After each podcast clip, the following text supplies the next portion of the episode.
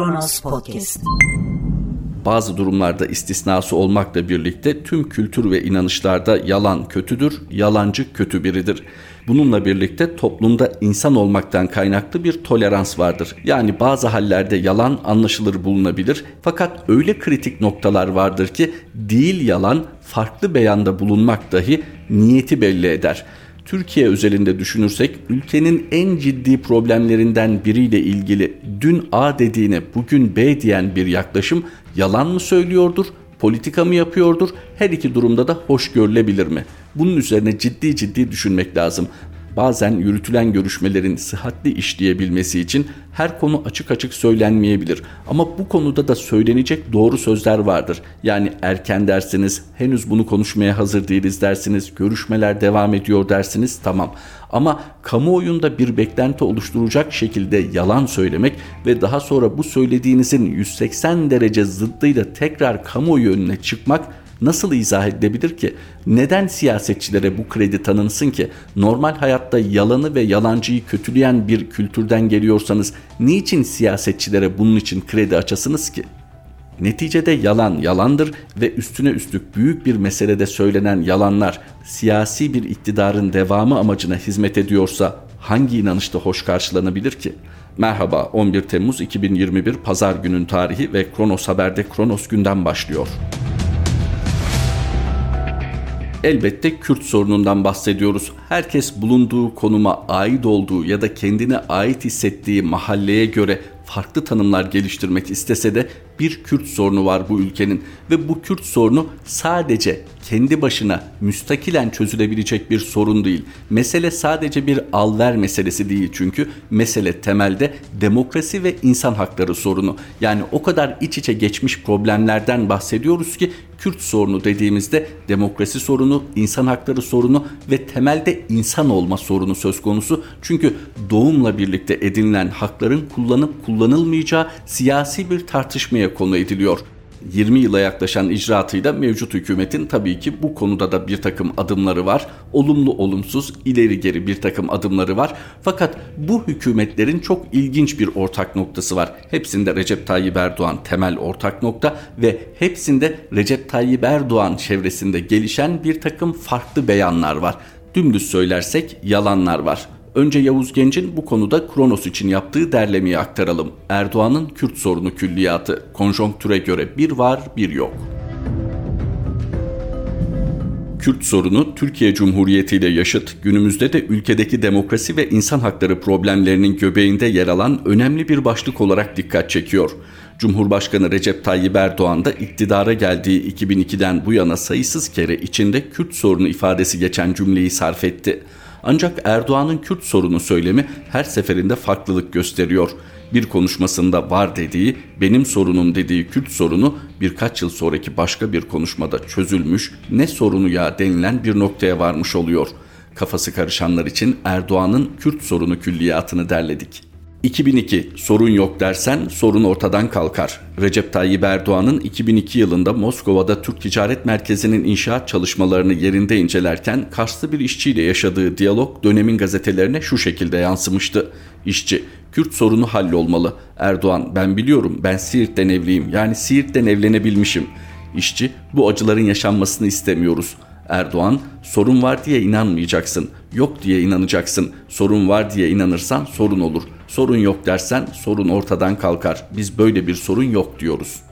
2005 Kürt sorunu benim sorunum. 2005 yılına gelindiğinde ise Erdoğan Doğu ve Güneydoğu'dan aldığı yüksek oy oranıyla tek başına iktidar olmanın verdiği özgüvenle bu kez Kürt sorunu var diyecekti. Erdoğan partisinin Diyarbakır'da düzenlenen mitinginde illa her soruna bir at koymak da gerekmez. Çünkü sorunlar hepimizindir ama illa at koyalım diyorsanız Kürt sorunu bu milletin bir parçasının değil hepsinin sorunudur, benim de sorunumdur şeklinde konuşacaktı.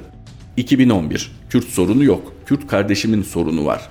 2011 yılına gelindiğinde ise Erdoğan Kürt sorununda bir kez daha makas değiştirerek yoka geçiş yapacaktı. 30 Nisan 2011 tarihinde dönemin başbakanı Erdoğan Muş'ta düzenlenen mitingde bırakın benim vatandaşım kendi iradesiyle oyunu kullansın. Bunu yapıyorlar mı? Bakıyorsunuz tehditler. Demokrasi bu değil, özgürlük bu değil, temel haklar bu değil. Bu ülkede artık Kürt sorunu yoktur. Kabul etmiyorum. Bu ülkede Kürt kardeşimin sorunu var ama Kürt sorunu artık yok diyecekti. 2015 ne Kürt sorunu ya? Çözüm sürecinin devam ettiği 2015 yılında ise Erdoğan'ın birdenbire Kürt sorunu yoktur demesi özellikle Kürt seçmende ve çözüm sürecini birlikte yürüttüğü HDP'de büyük şaşkınlık yarattı. 15 Mart 2015'te Balıkesir Ticaret Odası ve Balıkesir Sanayi Odası'nca düzenlenen ekonomi ödülleri 2015 töreninde konuşan Erdoğan şu ifadeleri kullanacaktı. Şimdi varsa yoksa bakıyorsun Kürt sorunu. Kardeşim ne Kürt sorunu ya? Artık böyle bir şey yok. Neyin eksik senin? Başbakan çıkardın mı? Bakan çıkardın mı? Çıkardın. TSK'de var mısın? Varsın. Ne istiyorsun? Daha ne istiyorsun? Allah aşkına bizden farklı neyiniz var? Her şeye sahipsiniz. Yol yoktu, yolunuzu yaptık. Havaalanı yapıyoruz. 2018 Kürt sorunu yoktur diyoruz. 3 Haziran 2018 yer Erdoğan'ın ilk kez Kürt sorununu dillendirdiği Diyarbakır İstasyon Meydanı. Cumhurbaşkanı ve AKP Genel Başkanı Recep Tayyip Erdoğan partisinin düzenlediği mitingde bir kez daha biz Kürt sorunu yoktur diyoruz. Herkes gibi sizlerin de özgürlüklerini biz güvence altına aldık. Her kim hangi Kürt kardeşimin hakkını gasp etmeye kalkarsa karşısında beni bulur. Var mı engel? Dininizin, inancınızın geleneklerini serbestçe yerine getirebiliyorsunuz. Kimliğimizin, inancımızın önünde hiçbir yasak yok ifadelerini kullanacaktı. 2019 Kürt sorunu var demek bana hakaret. AKP'li Cumhurbaşkanı Recep Tayyip Erdoğan Temmuz 2019'da ise Kürt sorunuyla ilgili düşüncelerini bir adım ileri taşıyarak sorunun varlığını kendine hakaret olarak algıladığını duyurdu.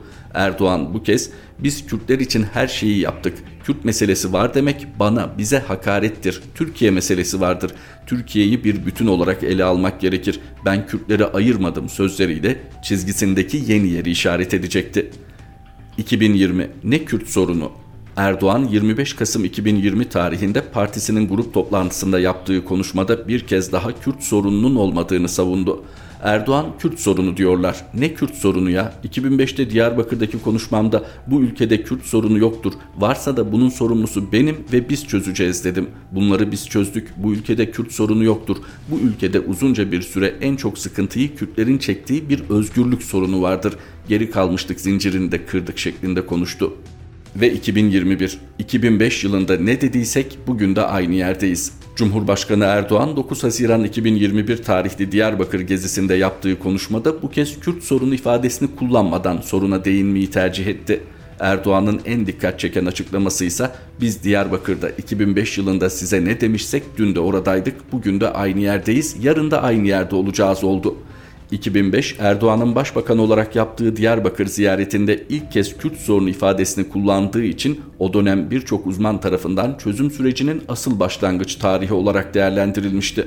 Erdoğan konuşmasında Kürt sorunu bu milletin bir parçasının değil, hepsinin sorunudur, benim de sorunumdur demişti. Çözüm sürecini biz başlattık. Bunların kötü niyeti, art niyeti, gizli gündemleri sonlandırdı. Sizden ricam Bunları gördüğünüz her yerde yakalarına yapışın, sorun, sorgulayın. Çözüm sürecini bitirmek için kim size talimat verdi? Bunu sorun. AK Partili Cumhurbaşkanı Recep Tayyip Erdoğan Diyarbakır'daydı. Beklenen konuşmayı yaptı ama beklenen müjdeleri vermedi. Hatta AK Parti sözcüsü Ömer Çelik tarafından bu müjdeye dair beklentiler daha da yükseltilmişti. Acaba yeni bir çözüm süreci mi başlıyor? Adına çözüm süreci denilsin ya da denilmesin Kürt sorununun çözümü için somut bir adım mı atılıyor? Hatta bu bağlamda HDP'li bazı isimlerin söylemleri de farklı noktalara çekildi. Evet bir beklenti vardı. Cumhurbaşkanı Erdoğan Diyarbakır'da önemli şeyler açıklayacaktı. Ama işin aslı pek de önemli bir şey açıklamadı. Daha çok zihinlerde kalan cümlesi çözüm sürecini biz bitirmedik. Başlatan bizdik ama bitiren biz olmadık şeklinde bir cümlesi vardı. Peki bu neyi ifade ediyordu? Bu bundan sonra HDP'ye dönük suçlamayla birlikte ne yapılabileceğine dair bir ipucu veriyor muydu? Bir taraftan MHP ile yaşanan bir sorun var. İnkar edilemez. Sanki kerhen yürütülen bir ortaklık algısı veriyor. Acaba hani bitiren biz olmayalım, yarın bir gün meydanlarda söyleyecek sözümüz olsun diye mi böyle davranıyor her iki tarafta? Yoksa böyle bir görüntü verilse de perde gerisinde her şey gayet normal, sorunsuz bir şekilde ilerliyor mu? Bu soru işareti kenarda dursun. MHP ile sorun yaşayan AK Parti iktidarının devamı için farklı ortaklıklar arayacaktır.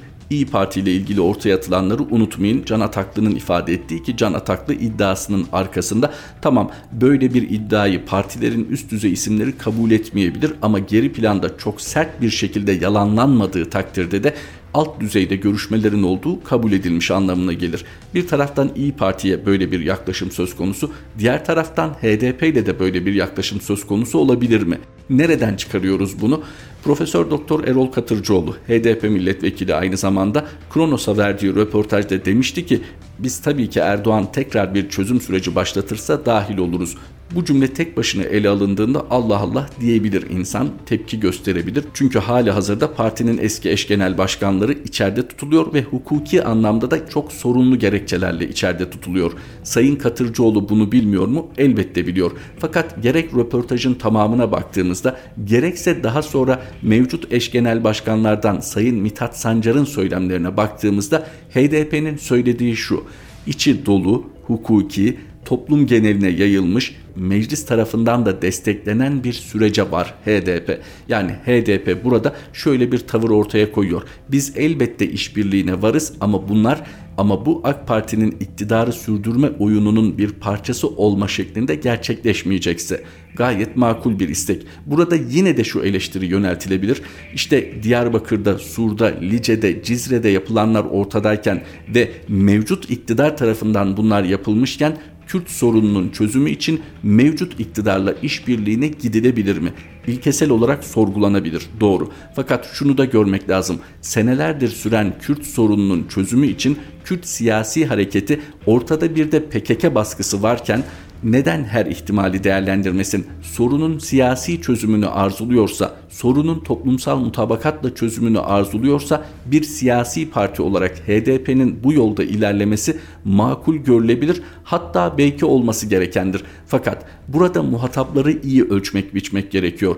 Bu konuda şu ana kadar Adalet ve Kalkınma Partisi ya da ondan bahsetmeli mi artık? Çünkü ortada Recep Tayyip Erdoğan dışında bir partiden bahsetmek çok güç görünüyor. Evet büyük bir teşkilat var. Fevkalade ciddi bir katılım sağlamış, fevkalade ciddi bir teveccüh kazanmış. Fakat hali hazırda yola AK Parti olarak değil de Recep Tayyip Erdoğan ve partisi şeklinde devam edildiği de aşikar. Peki şu ana kadar Recep Tayyip Erdoğan'ın bu konuda ne kadar ilkeli olduğunu gördük. HDP tavrını ortaya koyuyor. Çözüm için ne istediğini belirtiyor. Bu konuda aslında en net olan Kürt siyasi hareketi. Senelerdir bu konuda çizgi değiştirilmedi. Belki isimler ve söylemler değişti ama ana çizgi değişmedi çözüm konusunda. HDP ya da daha önceki sürek partilerinin muhatapları bu konularda farklı tavırlar geliştirdiler. Söylemleri farklı oldu, eylemleri farklı oldu yahut da bambaşka politikalar izledikleri için yan yana dahi gelmemeyi tercih edenler de oldu.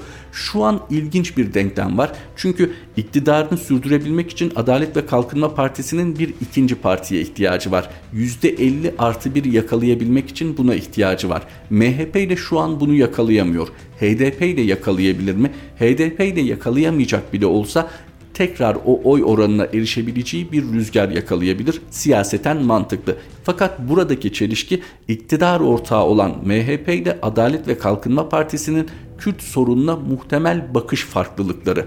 Daha önce böyle bir sorun yoktu. Çünkü Adalet ve Kalkınma Partisi reformist bir çizgideydi ve çözüm hareketi de bu bağlamda eleştirilse dahi çok yadırganmadı. Yani Adalet ve Kalkınma Partisi'nin kuruluş ruhuna uygundu. Fakat sonra ne olduysa işte az önce Yavuz Genç'in derlemesinden de aktardığımız üzere zikzaklar çizen bir Recep Tayyip Erdoğan profili gördük. Yani küçük sapmalardan bahsetmiyoruz ya da kendini tekzip eden küçük düzeltmelerden bahsetmiyoruz. Basbaya zigzaklardan bahsediyoruz. Peki Kürt sorunu gibi Türkiye'nin başat problemini bu zikzaklarla çözebilir mi bir siyasi irade? Bunu sorgulayalım.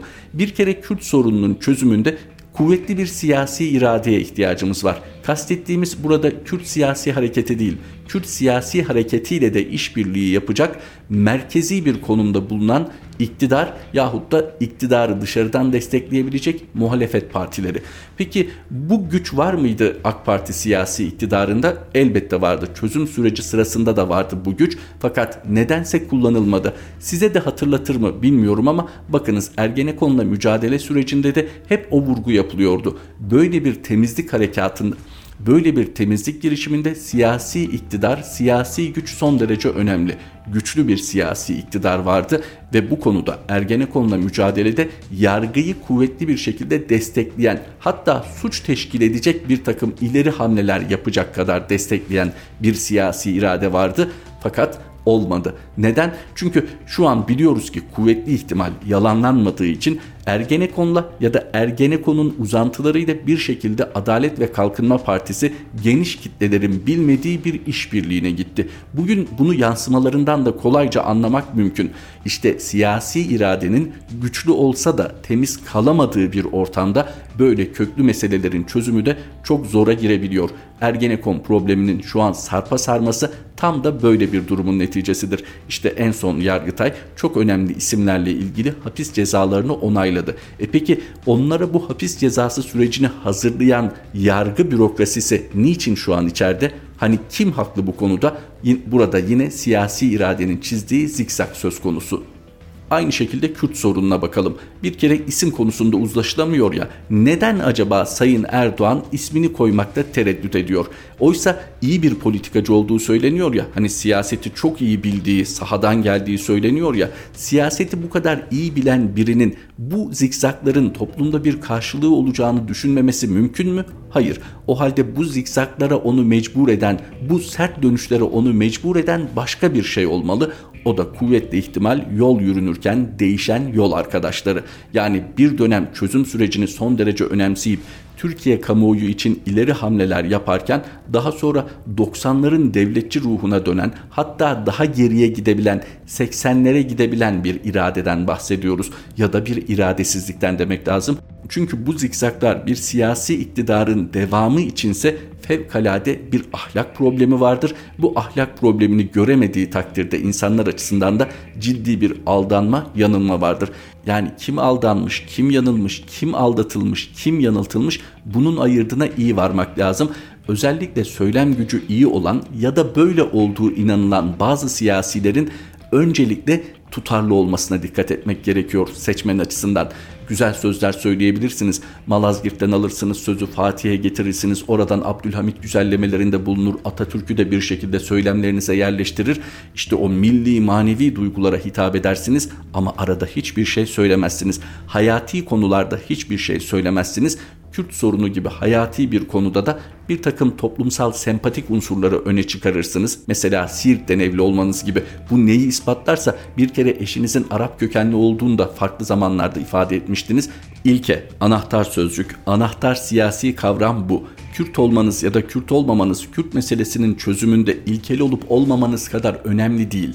Neticede unutmayınız şu an AK Parti saflarında olup mevcut Kürt politikası dışında söylem üretmeyen Mehmet Metiner de Kürt pek çok örnekte verilebilir. Yani mesele bu konuda etnik kökeniniz değil, ilkeli olup olmadığınız.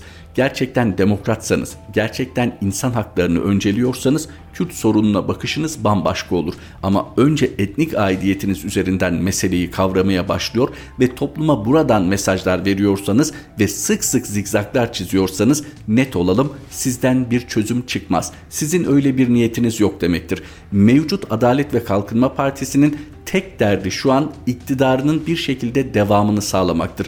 Şu konuda Adalet ve Kalkınma Partililer de dahil hiç kimse itiraz eder mi? Acaba Recep Tayyip Erdoğan HDP'den daha ileri bir Kürt söylemi geliştirdiği takdirde iktidarının süreceğinden emin olsa en ufak bir tereddüt gösterir mi bunu sergilemekten? Fakat biliyoruz ki hiç de ahlaki olmayan bir işbirliğine gittiği mevcut ortakları, yol arkadaşları siyaseten MHP olabilir ama daha derinlerde daha farklı olduğunu kamu alem biliyor yol arkadaşları buna müsaade etmiyor ve onun için Türkçü söylemler geliştirdi. Onun için o maneviyatçı söylemlere birden milliyetçi söylemler de eklendi ve kuruluş çizgisine aykırı, kuruluş ruhundan bambaşka bir Adalet ve Kalkınma Partisi ortaya çıktı. Sahada rant peşinde koşan, yönetimde iktidardan başka bir şey düşünmeyen ama memleket meselelerine hakikatte kesinlikle kafa yormayan siyasi partiden çok daha farklı bir yapıdan bahsediyoruz ki Kürtlere sempatik söylemlerle sarıp sarmaladığı ama hakikatte sorun olma payesini dahi çok gören bir yapı. Kronos gündemin sonuna geldik. Kronos Haber'de tekrar buluşmak üzere. Hoşçakalın. Kronos Podcast